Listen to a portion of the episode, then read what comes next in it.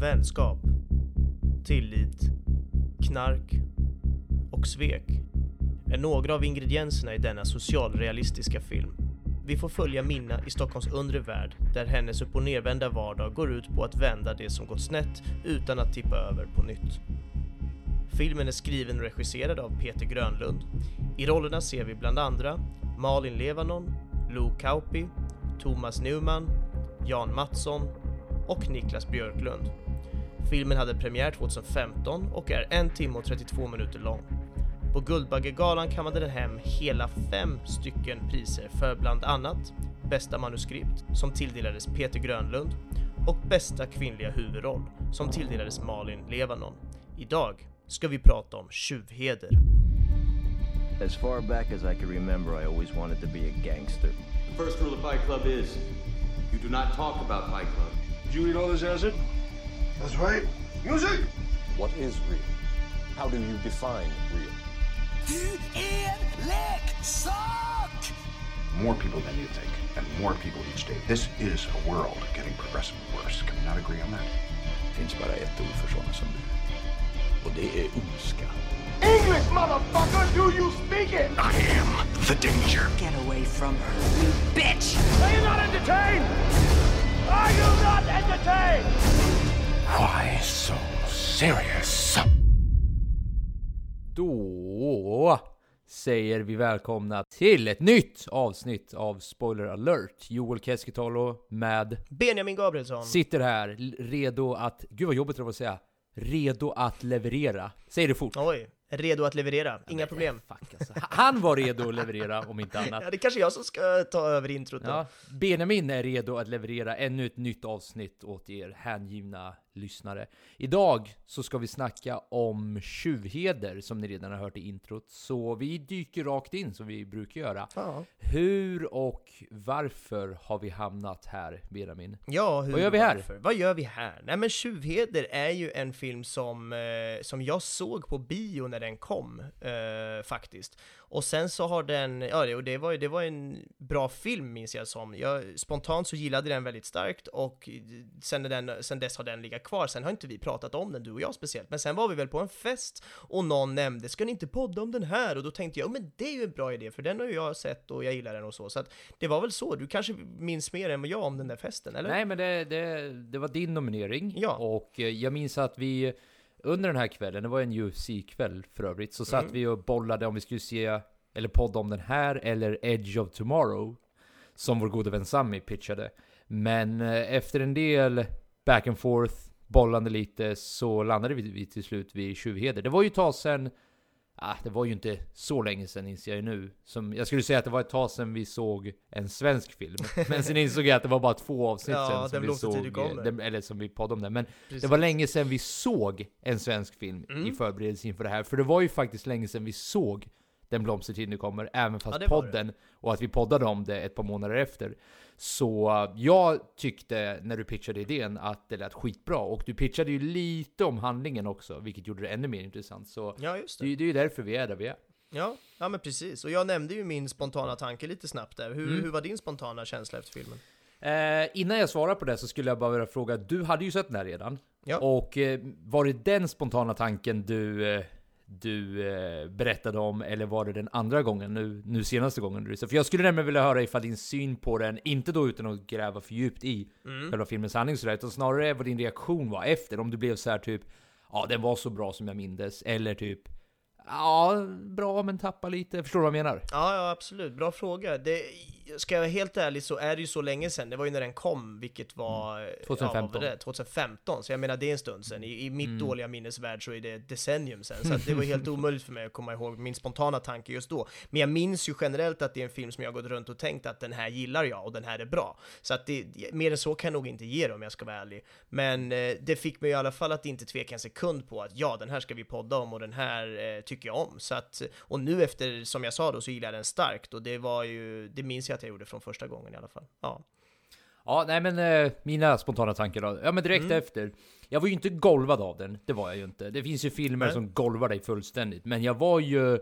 Jag var ju tagen på ett sätt som... Eh, ja men filmer som... eh, behandlar det här ämnet har en tendens att kunna göra mot mig. Det här ämnet Mm. ligger ju så nära till hands för ja, men alla människor egentligen. Det handlar ju då, som ni som har sett filmen redan vet, om narkotika och narkotikaanvändning och relationerna mellan narkotikaanvändare, relationerna mellan ni vet, vardagliga människor och Mm. narkotikaanvändare. Så de här, den här sortens filmer är väldigt gripande just för att, ja, vi ska, vi ska dyka mer in på vad det är som gör det så gripande. Men ja, man, man blir väldigt tagen av det i den bemärkelsen att det är någon sorts vacker tragedi. Och jag ska Mm. återkomma återigen vad, det, vad jag menar med det också. Men inte golvad som en klassisk sci-fi action kanske skulle göra, vilket den är avsedd att göra. Men definitivt tagen och eh, väldigt nöjd är jag. Jag är varken mer eller mindre nöjd, utan den landade väldigt bra måste jag säga. Ja, vad kul. Mm. Så vi hoppar väl. Ja, Vad säger du om själva filmen? Ja men precis, filmen i helhet. Jag gillar ju väldigt mycket hur den här filmen börjar. Det var det första som slog mig. Ja, såklart eftersom det var det första som händer, så det var ju smart av mig upplagt där. Men, men absolut, det, hur att man kastas in i berättelsen direkt. Vi får liksom ingen karaktärspresentation på det, på det här klassiska sättet. Vi får inte liksom, äh, alltså det byggs upp med att hon mår bra först och sen blir, mår dåligt, utan att vi kastas in i hennes ganska trasiga liv. Och det finns ett uttryck för det här och det är in medias res, vilket är då just att man kastas in direkt i eh, filmens handling utan någon vidare presentation. Och det tyckte jag var väldigt snyggt här. Det som det är ju då den här lägenhetsscenen när hon står och, och pratar med typ SOS i, i telefonen och har liksom en miljon olika, eh, vad heter det, inkassokravsbrev, ja Mm. precis, sånt, sånt på, på, på golvet. Och, och man hör hur hon är liksom halvpanik och sen, ni kan inte komma hit när jag är inte här, ni kan inte ta mina grejer. Och då förstår man ju, och det är det jag tänkte komma till, att det, det krävs någonting, det krävs ett bra manus, det krävs en bra dialog för att vi ska kunna kastas in i en story utan att känna att jag fattar ingenting. För här förstår vi ändå ganska snabbt vad det är som händer och det är det jag tyckte de gjorde väldigt bra i den här filmen.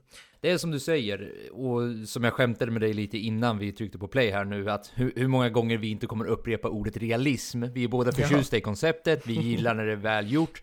Men det är oundvikligt när man pratar om en sån här film. Anledningen till varför man bara kan hoppa in i den här världen och varför den inte behöver någon vidare introduktion är för att det är vår värld vi pratar om här. Vår värld och karaktärerna där i behöver egentligen inte mycket introduktion. Namnen är egentligen artificiella. Alltså jag säger inte att namn inte spelar roll, det är klart det gör det. Men vad som är relevant i sådana här filmer är ju snarare relationerna, deras beteende, deras dialoger mellan dem. Och det är precis som du säger, allt det här kräver ju ingen förklaring, utan allt det här kräver ju bara en uppvisning. Det är ju det här show don't tell som vi har pratat lite om tidigare också. Att Ja. det, när en bra film lyckas, det är när den visar dig där den vill förmedla. Sen kan du dessutom göra egna tolkningar på vad den försöker förmedla. Men när en film, tycker jag, misslyckas, det, det behöver inte per automatik betyda att den misslyckas, men filmer kan misslyckas när de försöker för mycket, kanske man kan säga. They're overdoing it, som man skulle säga på engelska. Medan den här filmen är varken mer eller mindre än vad den lovar. Den levererar, återigen, den här klassiska realismen. Att vi sätter bara ner en kamera i en vardaglig eh, pundares vardag. Och jag använder ordet pundare här inte på, på ett nedsättande sätt på något sätt. Utan det här är ju ett begrepp som slängs runt en hel del i filmen också. Och det är många som ser dem som det. Det är ett förminskande begrepp, så jag menar inte det på det sättet. Utan jag bara spelar på hur de använder det i filmen. Men eh, ner med en kamera, följ de här i vardagen och bara se hur den här sidan av verkligheten ser ut. Ja, verkligen. Och, och som du säger, det är ju på något sätt, eh, alltså det är ju så nära våran vardag fast ändå så långt borta på samma gång. Det är ju människor som går mitt ibland oss, men man, man tänker kanske inte på det, eller så tänker man på det någon gång då och då. Det ser ut att vara en ganska trasig människa på tunnelbanan eller vad det kan vara, men här får vi ju den här inblicken, deras perspektiv, deras vardag, vad är det de tacklas med, var, varför de går runt och säger en, en konstig grej till, till någon. Alltså det, det blir en helt annan värld som man kanske inte porträtteras jätteofta. Kan man inte säga att det här är ett sätt att skapa empati hos människor som inte upplever den här vardagen? För jag kan tänka mig, och både du och jag vet ju det här, vi lever ju som sagt i det svenska samhället och vi vet ju attityderna kring olika samhällsgrupper här. Men droganvändare är ju och har ju varit väldigt stigmatiserade i vårt samhälle. Mm, Många mm. gånger, till och med FN har ju varit och kritiserat Sverige för hur vi behandlar missbruksproblematiken här. Ja. Du vet, det är allmänt känt att vi har väldigt hög dödlighet och att vår narkotikapolitik inte, inte lyckats med vad den avser Nej. att göra utan Den är att bli för gammaldags Den är väldigt ofta. gammaldags och Mm. det, vi ska absolut inte hamna i en diskussion om narkotikapolitiken. Men det jag menar är att vi har här en grupp som jag tror många människor har väldigt förutfattade, eller jag vet att väldigt många människor Ja. har förutfattade meningar om. Och Mm. till viss del kan man förstå, eller jag skulle snarare vilja fråga dig om det. Alltså hur ser du på, för det jag ville ralja lite om är, jag förstår, man förstår ju till viss del varför folk har, Mm. liksom varför folk är skeptiska till dem. Vad är dina tankar om det? Eh, nej men precis, det, det är ju svårt att säga exakt vad, vad jag tror och tänker. Jag tänker att det där är någonting som utvecklas inom en, men framförallt så är det väl det här tanken om att det här är människor som jag inte känner till. Man ser dem som jag nämnde förut, man ser dem en kortis, snabbis någonstans, någon som ser ut att vara lite utanför det, det normen av hur vi lever i vårt samhälle och då tänker man antingen shit det där är trasigt eller gud vad hemskt eller usch vilken äcklig människa. Alltså det finns sådana tankar som ibland slår en och det tror jag händer de flesta människor. Men här får man ju en helt annan inblick för att det här är vanliga människor som råkar ha hamnat väldigt snett och när du väl har hamnat sådär snett så är det väldigt svårt att komma tillbaka igen på, på den vanliga banan så att säga. Ja, Så jag vet inte om det riktigt var på svar på din fråga, Jo, men det var väl absolut, en spontan absolut. tanke jag kände. Eh, det jag ville ralja lite om var som sagt eh, att jag förstår varför folk är fördomsfulla mot den här gruppen. För det finns Mm. väldigt många trasiga själar. Det finns väldigt många som, ja, man brukar säga eh, light, cheat and steal. Som eh, ljuger, som fuskar sig fram, som stjäl. Allting bara för att uppfylla nästa rus liksom. Alltså den här typen finns ju i den här gruppen. Men det är ju en väldigt förenkling att bara summera upp det som det. Så det är därför jag, jag, jag möter folk halvvägs när jag säger att jag förstår varför människor har den här synen på just den här gruppen. För det ser inte vackert ut alla gånger. Nej. Men en sån här film visar ju, och det är det jag tycker också döljer sig lite i titeln, just tjuvheder. Mm. Alltså den visar ju mänskligheten bakom de här äh, stereotypiska föreställningarna vi har. Alltså för folk glömmer ju bort att det här är ändå trasiga människor som inte nödvändigtvis valde det här livet. Jag tror att man kan, man kan skaffa sig en känsla av empati när man förstår just det här faktumet att man själv är, du vet, en handling ifrån Ja, att hamna i ett sånt här spår. Och rätt som det var så är man själv i den här sitsen. ja, Så att då vara en som dömer de här för att de har hamnat på den här livsbanan utan att egentligen ha haft någon kontroll över det. Ta till exempel hon, eh, heter hon Minna? Hon som är huvudkaraktären. Eh, ta hennes karaktär till exempel. Hon nämnde ju bara i förbifarten det här. Men jag tror att det är under någon scen då hon säger att mamma var ju alkis liksom. mm, Återigen, det här är liksom inget, de försöker inte spela på det här på något sätt, utan de slänger bara fram små hints lite då och då över anledningarna till varför de kan hamna i sådana här situationer. ja, Men jag ser egentligen hela det här, om vi tar deras eh, liksom, om vi glömmer för ett ögonblick hur andra människor ser den här gruppen och bara zoomar in lite på vad som händer i den här gruppdynamiken. Just bland alla de här så kallade trasiga människorna, de här narkotikaanvändarna, de här pundarna. mm. Släng in valfritt begrepp liksom. Vad som händer, eller så här ser jag filmen och jag skulle vilja höra lite eh, vad du tycker om den här Mhm. tesen. Jag ser egentligen allt det här, det de gör, och egentligen droganvändande i sig, i sig självt. Och man kanske till och med kan generalisera det här till vardagligt, vardagliga handlingar liksom, men det, då kanske jag tar det lite långt. Det jag tänker är att i den här, den här filmen utkristalliserar hur det är en dragningskamp hela tiden mellan å ena sidan, du vet, heder, som återigen filmens titel, vad heter det, stavar. Eh, du vet, medömkan för dina människor Mm. och hur ni hjälper varandra och du vet, mänskligheten bakom det här. Och å andra sidan så är det nästa hit som drar hela tiden. Mm. För många av de här människorna tror jag vill agera liksom hedervärdigt om man säger så. De vill agera properly. Men det här ruset kommer hela tiden iväg. De är ju liksom fångade. Ja, men de är ju beroende av en näst- drog. Exakt, de är en ju beroende. Så, så jag ser ju det här som en, som en dragkamp hela tiden mellan de två. Precis, jag håller med och det, och det är väl det som jag tror att, nu snuddar vi in på pol- drogpolitiken igen här, men det är väl det som jag tror många andra länder som har börjat sätta det här på ett annat sätt, att det är folk med en sjukdom, det är folk med ett problem, vi ska hjälpa dem, vi ska inte straffa dem. Och det är väl det som jag tror är en slags grundproblematik på ett sätt, att man tänker att de här personerna ska straffas och då blir det ju oftast bara värre för dem. Eh, Medan man kanske istället borde hjälpa dem för att det här är någonting som, som inte är, oftast inte har valt själva och dessutom oftast vill komma ifrån. Det är inte så att de eh, känner att åh yes, jag ska knarka hela mitt liv, det här älskar jag, utan många av dem är ju misär och vet om det och skojar till och med om det i filmen ser vi det flera gånger. Eh, exakt. Så att då, då är det ju liksom, de vet om det och de behöver hjälp, men de får ju inte den hjälpen de behöver alla gånger. Sen är det också andra faktorer också, det är ju vissa så många som inte tar den hjälpen de får och så vidare. Men absolut att det är, det är människor Jag tycker som... det, ja. det finns ju några jävligt snygga scener som just eh, eh, vittnar till det här du säger. Där de, eh, de lite i förbifarten bara liksom eh, be, bevisar för oss tittare hur medvetna de är om deras egna situation. Det, Ja. det är också det på något sätt jag tycker är väldigt snyggt på den nivån. Alltså det är oftast en ganska ärlig kommunikation, förutom när de försöker blåsa varandra. Mm. Och det är, därför, det är det jag menar med den här dragkampen. Eh, men det är ofta en ärlig kommunikation och en ganska rak kommunikation. Typ de kan säga saker som Ah, fan det där såg jobbigt ut. Pff, ja, jag knarkar, och jag ska, eller jag ska bli farsa och jag knarkar, vad kan jag säga liksom? Ja. Det är liksom, han är fullt medveten om att det är fucked up alltså den situationen jag är, men vad ska jag göra? Jag liksom... Jag kan inte kontrollera det här. Nej. Även, även om de inte kommer så långt i kognitionen, eh, så är det ändå ganska...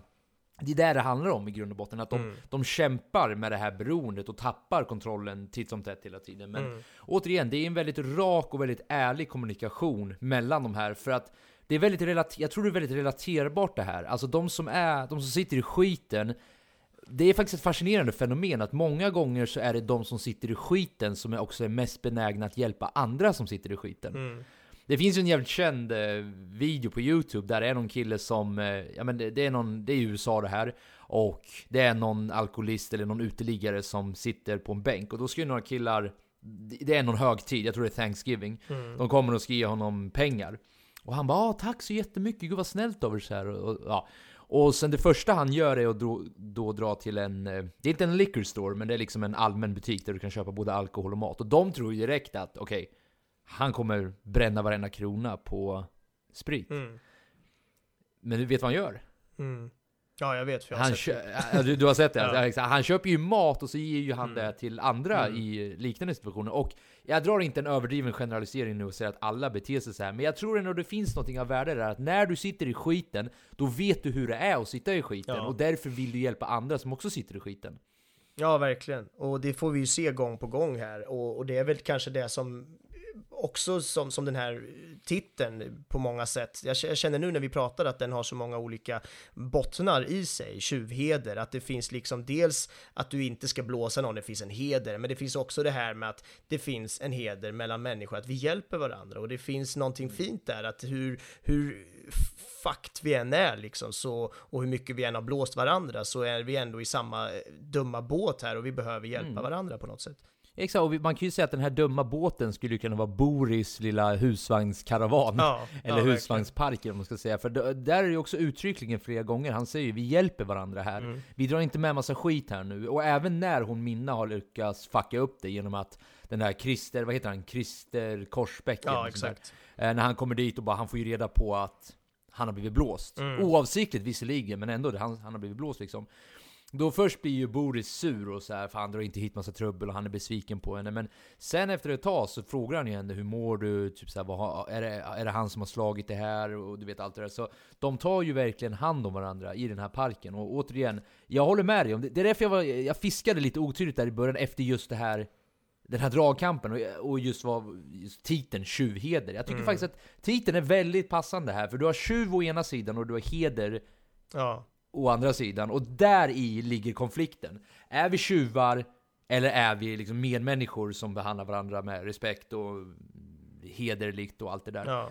Eh, eller bara som du säger om vi sätter ihop det, heder bland tjuvar. Att vi kan bete oss så här, vi kan fucka med staten, vi kan vara kriminella, vi kan till och med Mm. fucka med varandra. Men ändå bakom allt det här finns den här mänskligheten där i grund och botten vill vi ändå bara ta hand om varandra. Ja, Eller är det, är det kanske jag som överromantiserar? Nej, inte alls. Jag, jag tror du har jätterätt och det är väl det som är väldigt smart. Ofta så är det ju så med filmtitlar eh, att, att de har olika betydelser. Man kan tro att de betyder en grej, men att de egentligen har mycket djupare lager i själva, bara själva filmtiteln. Och det är ju en liten rolig grej så, men, men jag tycker verkligen att det speglas i, på den här också. Mm, Jag såg en bra, vad heter det, titel till en artikel som, som visserligen var låst, jag måste betala, det var, det var på DN tror jag. Där det stod, det finns en gemenskap i utanförskapet. Ja, Och jag tycker det också ringar in precis allt det här att de är ut, utanförskap, eller de är utanför samhället, men eh, i den utanförskapen så bildas ett annat litet samhälle, ett litet parallellsamhälle kan man säga.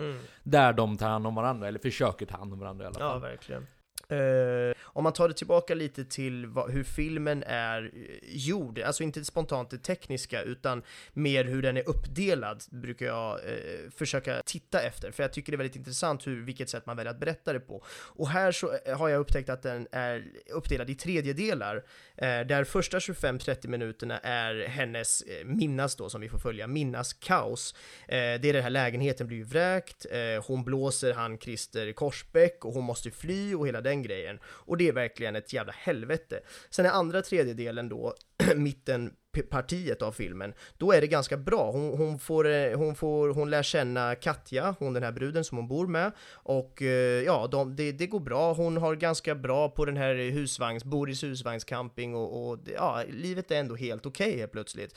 Eh, och sen då så får Christer Korsbäck eh, tag på henne igen och då vänder det tillbaka. Det är liksom sista tredjedelen där det helt plötsligt blir det här kaoset igen och hon blir jagad och hon blir, ja, och, och hon får ju börja eh, sälja knark och så vidare. Så att då är vi tillbaka i kaoset och eh, det här, ja, det slutar ju till slut med att hon åker fast och hela den biten. Så jag menar, det blir ju ett jävla kaos. Det kulminerar ut i, i ja, utan dess like. Och det på något sätt är ju ett väldigt eh, bra sätt att visa upp den här filmen på, men det är också någonting som jag tycker speglas, eller det speglar, tänker jag, livet i att leva med, eh, med ett missbruk, med det här kaoset, att du vet aldrig riktigt vad som händer. Ena sekunden är det åt helvete, andra sekunden är det bra. Och när du tror att det har varit bra, och det kanske till och med har varit bra en lite längre period, så blir det helt plötsligt åt helvete igen på bara fem minuter och så är du tillbaka där, där du började liksom. Och det är väl det där loopen nästan, alltså det här o, att du inte kommer ifrån Det oförutsägbara liksom. oförutsägbara och eh,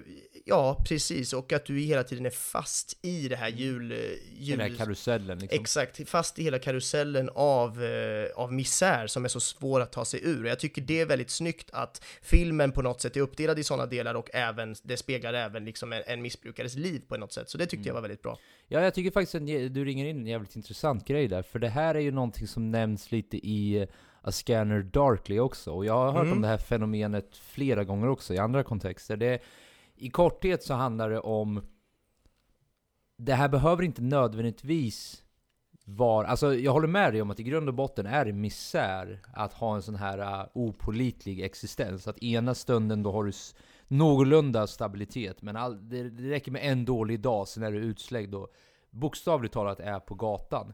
Mm. Och sen lyckas du skaffa lite stabilitet till, men till och med den är så här bräcklig. Det räcker med, eh, du vet, en, en fucked up konversation och så pang, så är du indragen i någon skit igen.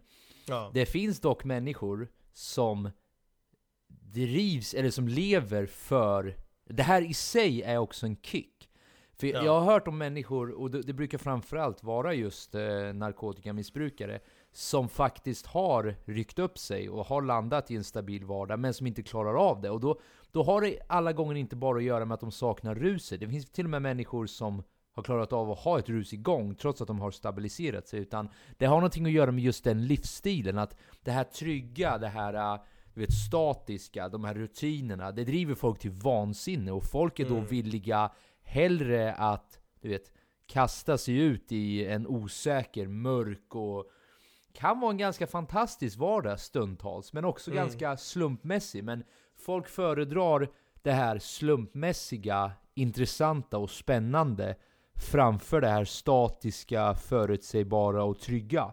Mm. Så det, jag tycker det var en intressant poäng du tog upp, för det påminner mig om just det här. Och om eh, om det är någon som vill eh, veta mer om just det här, jag vill inte säga för mycket nu för det är en film värd att se innan ni lyssnar och det här avsnittet handlar ju inte om den filmen men som sagt, Scanner Darkly, kolla in den. Mm. Ja, jättebra. Bra filmtips. Vi har ju sett den båda två ett par gånger och den är ju, ja, väldigt bra film. Eh, Jag har en del att säga på det tekniska. Ja, Mm. tror nästan att jag är mot det tekniska också faktiskt.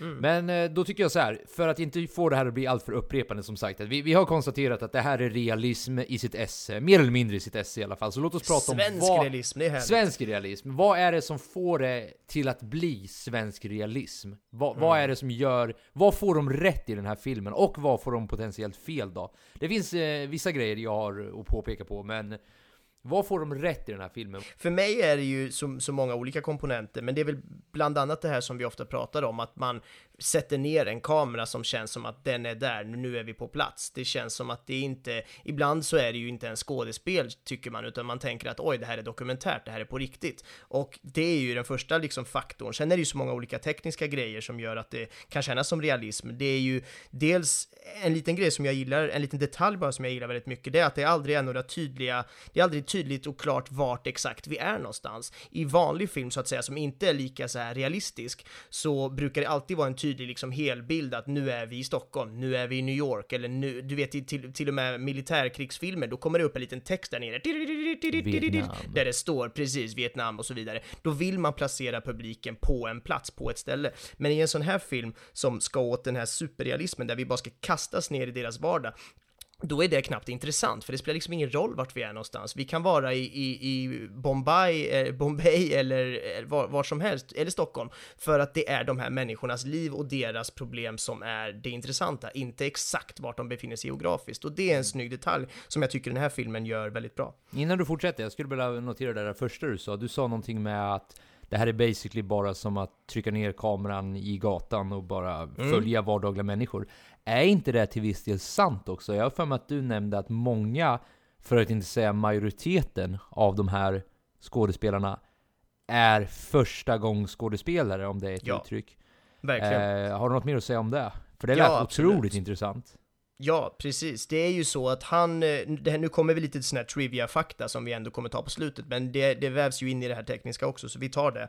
Men Peter Grönlund som har gjort den här filmen, han har jobbade ju i, på åtta år på det här Situation Stockholm, som är en tidning som, som folk med missbruk och problem står och säljer ofta i tunnelbanor och liknande för att få in en liten extra inkomst eh, och, och så. Och han jobbade på den, med den tidningen i väldigt många år och kom då i kontakt med många av människor som har och har haft missbruk. Och och det var då han fick idén till hela den här filmen, det var då han fick idén till att, eller det var då han träffade så här många människor som gav honom inspiration till att göra den här filmen med de här olika karaktärerna. Och det är egentligen bara Minna och eh, Katja, de två eh, tjejerna som, som vi får följa i filmen, det är de två som är riktiga skådespelare. Resten är riktiga personer. De spelar inte sig själva, viktigt att komma ihåg, men de spelar personer med liknande bakgrund som de själva. Alltså folk med missbruk och eh, även poliserna är riktiga poliser, även de som jobbar för socialtjänsten i filmen som kommer hem till hennes lägenhet är folk som jobbar med riktig social, social, socialtjänst.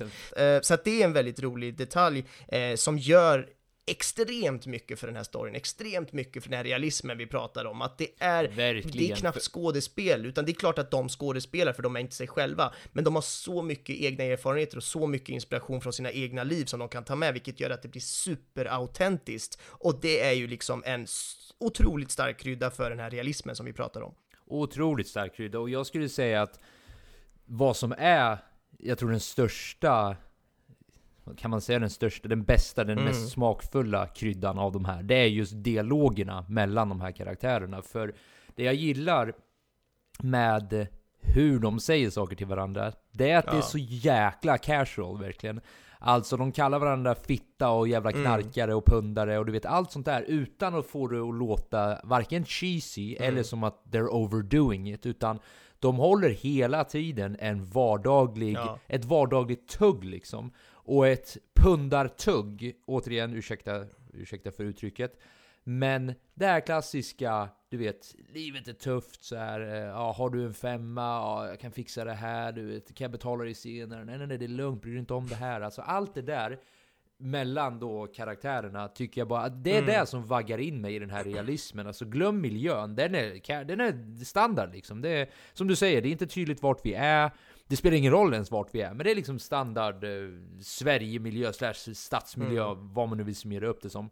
Ja. Det är dialogerna för mig, sättet de beter sig mot varandra, som är nyckeln till att det här funkar så bra. De har en så otroligt bra kemi, alla de här, vilket är ännu mer otroligt. Jag skulle vilja veta ärligt talat om de här också är vänner utanför det här. För sättet de bara spelar med varandra får det att framstå som att de antingen har känt varandra väldigt länge, eller att relationerna faktiskt är precis som de presenterar sig i filmen. Och vi vet ju att det inte är så eftersom de inte spelar sig själva helt och hållet. Men nej, man måste verkligen ge det.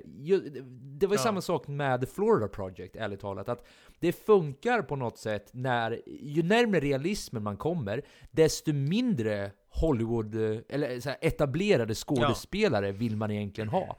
För ju mer åt det hållet du kommer, och jag säger inte att det här stämmer alla gånger, men ju mer åt det hållet du kommer, desto mer icke-autentiskt blir det ju. För då har du ju inom citationstecken förstörts av du vet, olika filmer och status och du vet, skådespelarskolor och allt det där. Allt det där är bra liksom. Men jag älskar ju hur det funkar i såna här ja, men realistiska filmer. Jag älskar att man då bara tar upp människor från gatan i princip och säger att ja men eh, liksom för, eh, spela den här situationen då liksom. Jag tror det är mycket det det handlar om. Det handlar, det handlar till viss del såklart om karaktärerna, men det handlar också om de här situationerna de finner sig i. Att okej, hur skulle ni presentera en sån här situation? Och sen har de det att jobba på liksom. Så jag vill verkligen ge både manusförfattarna och hela skådespelargruppen såklart. Men eh, det är dialogerna för mig som verkligen drar hem det liksom. Ja, det är verkligen. otroligt och bra Det skrivet. är ju, precis som du säger, de här personernas riktiga vardags eh, autenticitet i sättet att agera på. Hur mycket man nu vill värdera att de spelar och inte spelar, det spelar inte så stor roll för det känns så äkta för oss. Och tillsammans då med att det är väldigt bra manus och väldigt bra skriven dialog i det här manuset, äh, det gör att den är så himla äkta, genuin och autentisk, vad man nu vill kalla det. Eh, så big cred till dem. En grej som jag tycker, som jag tänkte på efter att, eh, det, det var du som konstaterade också, kommer du ihåg när vi hade poddat om Victoria, Victoria, Victoria, Ja. hur man nu säger det?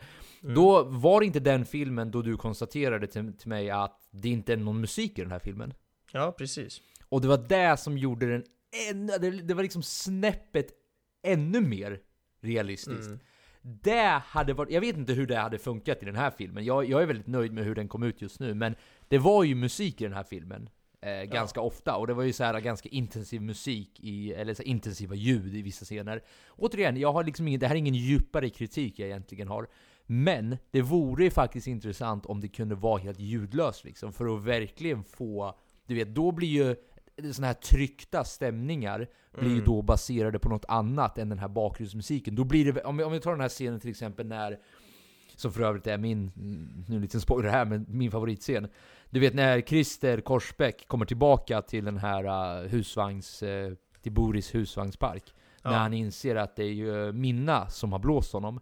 Mm. Och du vet den hotfulla blicken han har på henne och bara Tror jag, står det idiot i pannan va? Va? Står det Mm. idiot i pannan va? Du vet Jag hade önskat till viss del att den scenen hade varit utan musik För han i sig och hans intensitet när han stirrar ner henne Är för mig Ja. tillräckligt för vad den scenen försöker att leverera Förstår du lite hur jag tänker? Ja, ja, absolut. Och det här har vi ju pratat om förut. Det är ju ett, ett knep som, eller ett knep, men det är ett stilistiskt grepp som man använder väldigt ofta i filmer som snuddar på den här superrealismen som, som den här också gör. Just att inte använda, det här pratade vi om eh, för någon podd sedan, men att inte använda diegetiskt eh, ljud, eller förlåt, icke-diegetiskt. Det är just det att Diegetiskt ljud är ljuden som även de i filmen hör, icke-diegetiskt ljud är alltså ljud som bara vi hör. Musik, filmmusik då, är ju då ett icke-diegetiskt ljud och den här filmen har valt att använda ett sånt eh, vanlig filmmusik då. Väldigt sparsamt, på väldigt få ställen, men det, det gör ändå att de, de, de väljer, eller de, det, jag tror att det är framförallt han Peter Grönlund som, som har gjort väldigt mycket på den här filmen, att han har valt det som ett stilistiskt grepp och precis som du säger så, så är det ju man kan tycka vad man vill, man kan tycka att det är bra eller dåligt. Jag vet inte om vart jag landar i eftersom jag inte har sett den andra versionen, men jag håller med dig om att det hade varit intressant att se den här filmen helt utan sån eh, vanlig filmmusik, för att, att vi, precis som du säger så tror jag också att det hade kunnat blivit väldigt, väldigt starkt. Nej, det, det är därför jag också sa att jag, det är ingen djupare kritik jag har mot, utan det var bara en, en liten spaning. Ja. Bara för att eh, jag kom att tänka på just, jag var faktiskt tvungen att googla. Vet du vad jag googlade? Nej. Eh, German guys robbing a bank with an Italian girl. Och så kom den filmen upp som nummer ett. Va, vet du, varför googlade du det? Jag förstod inte. ja men när jag skulle hitta filmen Ja, Victoria. du minns inte vad den så hette, jävla- eller vadå? Nej jag minns inte vad den hette, så jag satt och funderade jättelänge. Och sen letade jag bland alla poddar, sen insåg jag att den är ju på min andra dator. Så, så sökte jag bara på handlingen, vilket var just det. Ja, okej. G- German guys robbing a bank with an Italian girl. Och så bara Victoria. Klockrent. Bra googling och eh, tack Eller Google hur? Det får var bra då. beskrivet. Ö, Exakt, uppenbarligen. Nej men eh, jag kom bara att tänka på det då, varför jag gillade... För just skillnaden här är ju att då är det bara dialogerna och deras kroppsspråk Mm. som förmedlar vad liksom modet är på Ja. den här scenen. Hur intens, hur intens den är, eller hur glad den är, eller hur du vet, så här, flummig den är och så vidare. Och det där är ju som jag nämnde att det är ett stilistiskt grepp som många använder när de ska göra sån här superrealism. Vi pratade om det i The Florida Project, eh, om det nu var förra podden, ett par poddar sen, eh, just att det, eh, där använder de ju bara i första scenen och sista scenen i hela filmen så var det sån filmmusik som de lägger på. Och vi har ju pratat om filmer förut som har just det greppet. Och jag, jag, jag kunde ändå gilla det här lite grann för att de flesta ställen som de använder musik på i den här filmen, eh, Tjuvheder alltså, var ju att eh, just nästan när det blev som en liten paus i det här superintensiva superrealismen som vi har fått ta del av i, i en längre stund nu, så blev det som en liten paus, kanske de åkte lite bil eller kanske de gjorde något annat. Och då kände jag att det var väldigt skönt med, med ja, en paus helt enkelt från det här ganska kaosartade som vi får följa Andas annars. ut lite. Precis, andas ut lite. Så det gillade jag ganska mycket. Eh, men jag är helt med dig på att det hade varit intressant att se den helt utan filmmusik också faktiskt. Eh, ja, Mm, Ja, jag en grej till jag skulle behöva Ja, fråga dig om. Eh, visst, eller det, det är halvt en fråga, halvt ett konstaterande. Visst ökas känslan av realism just av det faktum att filmen är svensk och vi är svenskar, eller hur? För det är ju, även om vi själva inte är i den situationen, så är det ju så mycket relaterbara situationer ja, som man ändå ser. Alltså det mest uppenbara är ju såklart att de pratar svenska, Ja, vilket gör det verkligen. direkt ganska Mm. relaterbart till svenskar. Men det är ju också, även om det här inte är riktigt som Tårtgeneralen, där man får se många så här stereotypa, du vet, stereotypa svenska karaktärer. Ja. Så det är ju en del sådana här också. Som sagt, det är ju sådana man har sett i sitt liv liksom. Och jag tror att anledningen till just, för jag måste ta ett steg tillbaka här nu och ändå säga att jag har blivit väldigt positivt överraskad av många svenska filmer som jag har sett på sistone.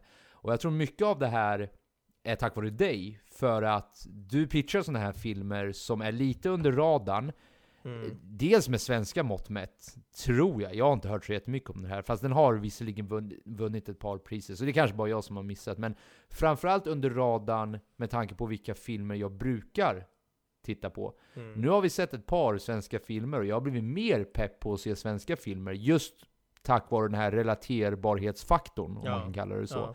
Ehm, Mm. Ja, det var bara en liten Nej, men kort absolut, och jag är- instickare. Helt med dig på det, för att det blir ju någonting när, man, när, man, när de är i, i Stockholm, åker tunnelbana och de helt plötsligt eh, så säger hon ja men knarket ligger eh, under eh, tidningslådan vid kiosken i Högdalen och bara just det, ja Högdalen, där hänger jag ofta liksom. Alltså det, då blir det ju superautentiskt, då är det ju som att jag skulle lika gärna kunna gå förbi där någonstans i bakgrunden och det är ju ja, som sagt, det ökar realismen, det gör det ju verkligen. Så att egentligen så kanske det är till, till oss då, svenskars fördel att se på en svensk film, för det får oss att bli ännu mer fångade i filmens eh, värld helt enkelt. Så det Ja, tror men jag jag. tror det. Ungefär som att ifall tyskar skulle ha kollat på Victoria, Ja, så hade de kanske tyckt om den ännu mer, just för att där finns det en relaterbarhetsfaktor som inte är riktigt lika stark hos oss. Vi kan fortfarande gilla filmen på alla sätt och vis, mm, men vi pratar inte tyska, vi har inte liksom sprungit runt på tyska gator lika mycket som de här. För dem är det här ju deras grabbgäng liksom. Det här är en utekväll för oss. ja, Eh, om vi tar just Victoria, inte, inte den här filmen. Så ja, det var återigen bara en liten kort instickare, Mm. men eh, otroligt glad att vi har slängt in ett par svenska filmer också Ja, i, i verkligen. Det är kul. Kul att du uppmärksammar just den eh, svensk grejen också. Ja, Ehm, men det var tack vare Filip Fredrik. Det var Tårtgeneralen som på något sätt kickade off mitt nya nyintresse för svenska filmer. Ja, vad roligt. Ska jag glida vidare på lite mer tekniska grejer, eller har du något spontant du vill köra på? Nej, jag har inget mer. Nej. Kör på det. Eh, nej men jag tänker lite på det här med bildspråket, vi brukar ju prata om det, men det är ju ett ganska växlande bildspråk i den här filmen. Det är dels mycket täta närbilder och snabba klipp när det är liksom orolig stämning och så. Men sen är det ju även ett lugnt bildspråk då och då där man får pausa lite mer. Eh, kanske mer i de här scenerna där det inte är kaos. Och det kan låta självklart så när jag säger det, men det finns också en skön känsla i att man kan blanda lite så bildspråket. För att i många filmer, vi har ju sett vissa realistiska filmer där det är så här, det, det är så mycket skakig kamera som, som går fram och tillbaka att man nästan mår illa ibland. Jag tror det var den där blå är den varmaste färgen-filmen vi såg, där vi nästan tyckte att det var för intensivt kamerarbete, att det liksom blev jobbigt Mm. att hänga med ibland. Förlåt, förlåt, förlåt, förlåt. Kan du bara påminna mig om Blue is the warmest color? Vilken... Det var ju den franska filmen med två lesbiska tjejer som, eh, Just det, Ja. ja. jag är med. Jag ja, med. eh, och, ja, och, och Vi har sett många filmer tillsammans, det Det är mycket att hålla gjort, koll på. verkligen. Och då var det ju sånt intensivt bildspråk att man nästan mådde illa efter ett tag för att det var väldigt så intensivt. Här tycker jag de har gjort en väldigt snygg blandning mellan lugnt och eh, kaosartat så att säga, och det tyckte jag om. Ehm, mycket, mycket naturligt ljus i den här filmen. Eh, det beror ju dels på att det är en väldigt låg budget och då satsar man inte lika mycket på att sätta upp stora lampor och strålkastare, men det är ju såklart också för att fånga den här vardagliga realismen som vi tjatar om, att, att vi vill inte sätta upp massa konstiga lampor och göra ett artificiellt ljus, utan det ska kännas äkta. Vi har solljus nu, då kör vi på det och, och det tycker jag blir väldigt snyggt. Passar såklart jättebra i en sån här film. Um, Ja, och så måste vi väl ändå snudda in då på skådespelet. Vi, har ju, vi var inne på det. Eh, framförallt eh, otroligt häftigt att det är, jag läser här på en, en intervju med Peter Grönlund som har gjort filmen, att det är nio av tio skådespelare i filmen som är amatörskådespelare som aldrig har gjort någonting förut liksom. Och det är ju ofta de här, eller ofta, det är ju då de här som, som har haft drogproblem och så vidare förut, men det är även de här poliserna och socialarbetarna och det är, då känner man ju bara wow, bra jobbat, för det var ju inte så att man kände, eller jag kände i alla fall inte någon gång under filmen att ah, det här, nu kändes det dåligt, nu kändes det fake, utan jag, jag var helt inne i det hela tiden. Vad, vad tänker Alltså du om det det? går ju inte, ja, nej, ja, vad heter det? Det går liksom knappt att använda de parametrarna dåligt eller bra här. Alltså det är varken, det, det liksom, för mig går det liksom inte ens in i den frameworken. Så bra är det enligt mig. Men då alltså, är det ju bra. Är, det, ja men det är det jag menar, det, Ja. ja. exakt, det är ju bra. Men återigen, det, går inte, det är ingen skala för mig liksom, utan det är bara, de har bara klivit in och gjort Ja, deras grej liksom. Och ja, det är ju bra förvisso, men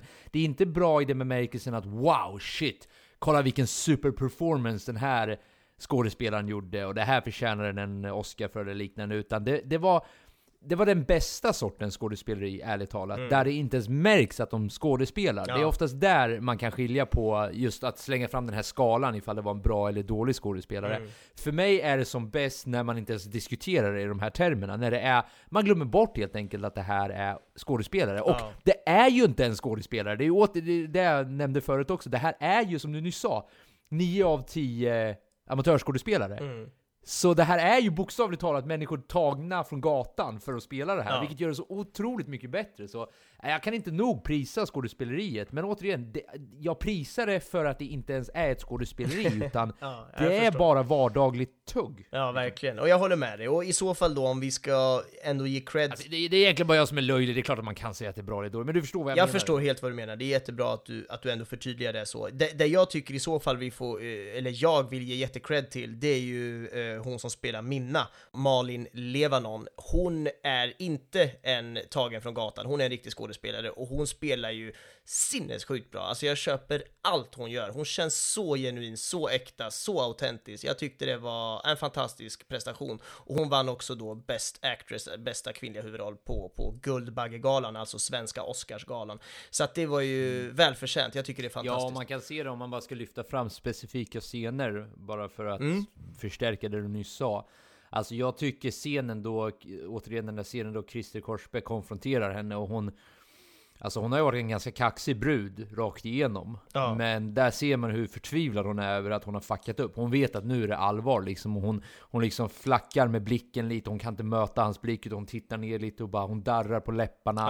Ja. Eh, många sådana här subtila små grejer Ja. som, som, jag, som man får lyfta upp. Verkligen, och jag tänker framförallt mycket på hennes eh, språk och sätt att tala på, för hon låter ju inte som en, hon låter ju verkligen som att hon har varit med i branschen. Hon kan alla tugg, det är klart, hon har ju ett manus att gå efter, men du förstår vad jag menar, det låter väldigt äkta när hon säger allt, och hon säger det med det där tonläget som känns äkta. Det känns inte som att hon läser det från något jävla manus. Det, alltså, äh, det, det är bara jätte, jättebra av henne. Vet du vad jag ska säga? Jag ska säga att det är briljant, som jag så ofta säger. Nu har jag dragit Mm, det- ner på det ordet en hel del, så att nu, nu förtjänas det att sägas. Eh, ja, briljant. Kunde inte instämma mer. Eh, vi börjar runda, vi börjar närma oss eh, Mm. någon sorts tidsgräns här som, som inte är satt i sten förvisso, men eh, vad, vad säger du? Känner vi oss nöjda eller? Ja men det är bra att vi försöker hålla det så kort som möjligt så folk kanske förhoppningsvis orkar lyssna lite grann i alla fall. Mm. Vi känner oss ganska nöjda, ska vi... eh, Vad är nästa steg Joel? Men slutord, lite snabbt, en, en Ja. kort summering. Alltså, jag tycker ju, vad heter det, den här artikeln som jag nämnde förut, att det finns en gemenskap i utanförskapet. Jag tycker att det ringar in vad filmen försöker visa. Att den försöker lyfta fram den här gruppen som är stigmatiserad bland många, där folk har väldigt mycket förutfattade meningar, till viss del med all rätt, till viss del inte. Men den visar att bakom de här fördomarna så är det människor med problem, precis som alla vi andra, som bara vill må bra, som vill leva tillsammans, som vill ja, men vara lyckliga, kort sagt. Och man får följa dem när, det- när de i den strävan liksom. Och det är inte lätt alla gånger, men nej, jag tycker det är vackert ändå att de lyfter fram den här samhällsgruppen. Mm. Ja, jättebra. Jag kunde inte sagt det bättre själv, så att det, jag ska nog inte försöka återupprepa det där. Jag kan väl istället säga då att jag tycker att det är en tekniskt väldigt väl genomförd film, för den har extremt låg budget. Jag har inte ens hittat vilken budget den har för att den är så låg. Den är nog nästan hemlighetsstämplad för att den är liksom på sån här amatörbudgetnivå och ändå har de lyckats få ihop en sån här snygg eh, långfilm som kändes superäkta och superbra. Så att nej, all creds. Jag älskar den ska jag säga. Favoritscen? Ja du, börjar du. Scenen när Christer Korsbäck konfronterar Minna. Mm. Den är intensiv, den är oförutsägbar, man vet inte, kommer han slå till henne? Kommer han döda henne? Kommer han slå till Boris? Kommer han döda Boris? Han, han ser skräckinjagande ut, ärligt talat. Ja. Och första gången i filmen då jag känner mig riktigt så här. Jag vet inte vad jag ska säga riktigt. Som att det här kan sluta riktigt illa. Alltså jag känner mig illa till mods. Så Mm. jag tycker den, den lyckades som... Som med alla filmer så är det ju svårt att hitta en. Men jag tycker att den stod ut lite extra för mig. Ja, snyggt. Ehm, jag har nog faktiskt ingen riktigt idag. Det är okej, Eh, vi, vi tillåter sånt också vet du. Ja men vad härligt, vad schysst. Jag har svårt att välja en för att den här är en sån film som känns otroligt jämn under hela filmen. Man är, jag är med i stora delar, eller jag är med hela tiden, men det är stora delar som känns så himla, eh, eh, ja sådär starkt som det verkligen kan vara. Och då har jag svårt att pinpointa en, en, en scen sådär. Det så hade, att- ärligt talat så hade jag också det. Jag fick faktiskt fundera lite, men sen gick jag tillbaka hur jag kände när jag tittade på filmen. Och då kommer jag ihåg att den, just den scenen fick mig att känna saker som jag inte Mm. kände under Ja, resten. men det- den påverkade mig om. starkt. Verkligen, jag, jag kommer själv ihåg när jag såg den första gången på bio, att där ryggade man till. Så att, eh, Han ser ju ganska läskig ut också, ärligt talat. Han har Ja. också ett R precis vid, vid eh, så här, munnen. Han är Ja. skallig. Och Han just i den scenen, han, vis, ja, exakt, han visar, vad heter det, han visar ju sina, sina nedre tänder. Ungefär som Ja. att han morrar åt henne också. Man bara holy Exakt, shit. han sätter Vad kommer upp- hända här? Precis, han sätter ju upp undre tandraden, eller den befintliga tandraden han har, sätter han ju upp mot överläppen som någon slags överbett eller underbett eller vad det heter. Precis. Och eh, det gör ju att det ser otroligt obehagligt Skriker ut. åt Boris. Ett jävla ord till på dig. Så hugger Fattar du? Hugger du? Jag hugger dig, fattar du? Christer, vi skulle komma hit och snacka eller Lägg av! Du spelar inte min liga, fattar du det? Eh, så intens som fan. Ja, Men- verkligen. Eh, har vi lite roliga fakta att runda av det här med? Ja, men lite grann har vi i alla fall. Vi nämnde ju en stor del av dem och det är ju, eller stor del, men en, en, en, en sån fakta är just det här med att det är jätte, jättemånga, 9 av 10 som det står här i en intervju, eh, skådespelare som är eh, amatörskådespelare eller eh, heller inte skådespelare överhuvudtaget. Jag kan läsa ett direkt citat här från Peter Grönlund som har gjort filmen att det är ju riktiga poliser med i filmen, det är riktiga socialarbetare, riktig härbärgespersonal och sen en mängd medverkande som levt socialt utsatt och ett hemlöst liv. Jag tror att det är sättet att berätta den här historien på, allt annat hade blivit artificiellt. Så ja, det är, det är jättehäftigt och det har vi ju pratat nog om, men gud vad det gör mycket för den här filmen att, det jobba, att de jobbar på det sättet. Verkligen. Han satte på något sätt punkt för allting vi har sagt där. Ja, verkligen. Vi hade inte behövt lyssna på oss, det är bara att lyssna på det där citatet. Vi kan bara länka det här i, i gruppen istället så, så är det klart. Exakt. Eh, nej men precis. Eh, har du någonting eller ska jag rabbla på? Rabbla på. Jag har inga, utan eh, jag tänkte att du får ta dem idag. Nej. Jag såg bara Ja, att det det var ett par stycken, och därför jag tänkte att du har säkert koll på dem där. Ja men exakt. Peter Grönlund som jag har nämnt några gånger nu, det är han som har skrivit och regisserat och ja, har är väl hjärnan bakom hela den här filmen mer eller mindre. Det är hans första långfilm. Wow! Så att, eh, att leverera en sån här bra och eh, storslagen får vi väl ändå säga, för den har dragit in flera stora priser på Guldbaggegalan, den har även dragit in mycket pengar för att vara en sån här super, super låg budgetfilm, så är det ju fantastiskt. Vilken grej att genomföra det här som första långfilm. Eh, otroligt bra. Eh, Malin Levanon, som vi nämnde förut, hon har ju då eh, sovit i ett fängelse under en period för att komma in i den här rollen lite mer och eh, dessutom gått ner 25 kilo eh, och sågat av en tandprotes för att det ska se ut som att hon saknar en liten bit av en tand där också. Så att eh, hon har ju verkligen gått in i någon slags method acting-roll eh, här som, som gör att det blir ännu mer levande och eh, ja, vi har ju redan hyllat henne så, så fantastiskt, eller hur? Underbart. Fantastiskt. Briljant. Briljant! Ja, vad härligt. Ska vi döpa om podden till Briljant? Ja, det tycker jag. Briljant, fantastiskt, realistiskt. Ja, vad härligt. Ja, nej men det var nog allt jag hade också på, på de trivias. Då ska vi introducera en, eh, ja, men ett litet tillägg i den här podden som vi, vi ska se hur det här går. Men eh, från och med nu kommer vi teasa redan nu vilken nästa film som vi kommer prata om är. Så om en vecka så kommer ni få höra First Man. Det vill säga den filmen som gick på bio, beroende på när du lyssnar på det här, så den som gick nyligen på bio eller går fortfarande på bio. Det är alltså filmen om månlandningen. Eh, precis, den kommer länkas i eh, Facebookgruppen. Men med det så tror jag att vi tackar för oss. Gör vi det? Det tycker jag. Det tycker jag. Vi tackar för oss. På återseende. Återhörande. Haha! På återhörande. Alltså, han är så clever. Tack och hej!